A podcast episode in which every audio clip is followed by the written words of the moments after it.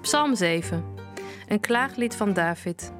David heeft dit lied voor de Heer gezongen. Het gaat over Koes, een man uit de stam Benjamin. Heer mijn God, bescherm mij, help mij, red mij, want mijn vijanden jagen op mij. Ze willen me grijpen zoals een leeuw een dier grijpt om me te doden. Ze willen me aan stukken scheuren en dan kan niemand me meer redden. Heer mijn God, heb ik iets verkeerds gedaan? Heb ik mensen kwaad gedaan? Ben ik slecht geweest voor een vriend? Heb ik iets gestolen van een tegenstander? Dan mogen mijn vijanden op mij jagen, dan mogen ze mij grijpen, me vertrappen en me doden. Heer, laat zien dat u kwaad bent. Straf mijn vijanden, want ze vallen me aan. Help mij, laat zien dat u rechtvaardig bent. Heer, roep alle volken bij elkaar en spreek recht over hen vanuit de hemel. U bent de rechter van de hele wereld. Wees nu ook mijn rechter, Heer, en geef een eerlijk oordeel over mij. Ik heb geen schuld, ik heb geen kwaad gedaan.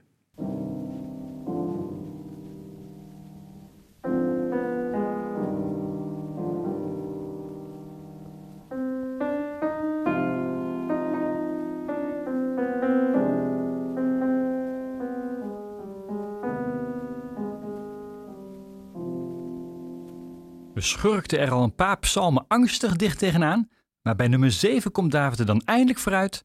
Dit is een klaaglied. Heerlijk, klagen. We zijn er als Nederlanders erg goed in. Ik ook. Ik klaag over bijna alles.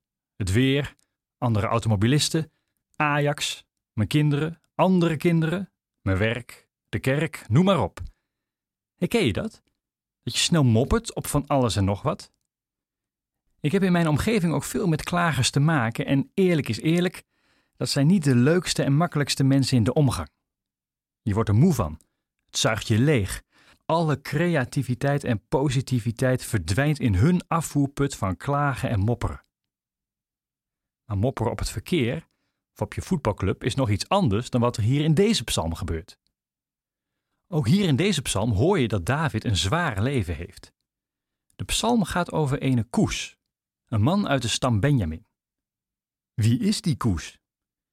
Rabbijnen hebben er lang over nagedacht en denken aan Saul, koning Saul, die man die David haat uit de grond van zijn hart. Saul, de eeuwige tegenstander van David. Daar kun je met recht over klagen, want Saul stuurde zijn hele leger achter David aan om hem te vernietigen. Maar het klagen van David is geen gemopper in de leegte. Nee, hij heeft een adres.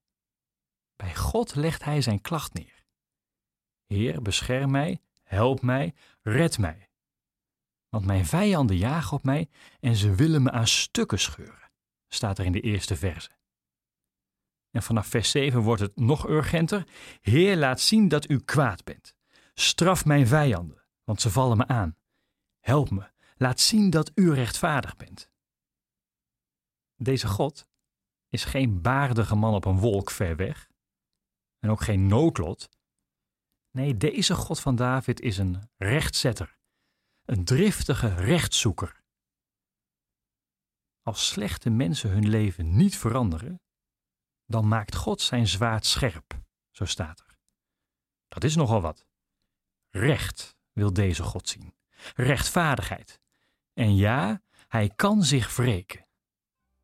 Dit beeld van God is letterlijk uit beeld geraakt. Wij zien God als een knuffelbeer, een buddy, iemand die lief is en vredig. Met dat beeld maken deze psalmen korte metten. En net zoals wij in ons leven in de wereld, staat God in deze tekst ongekend op scherp. Want er staat iets op het spel.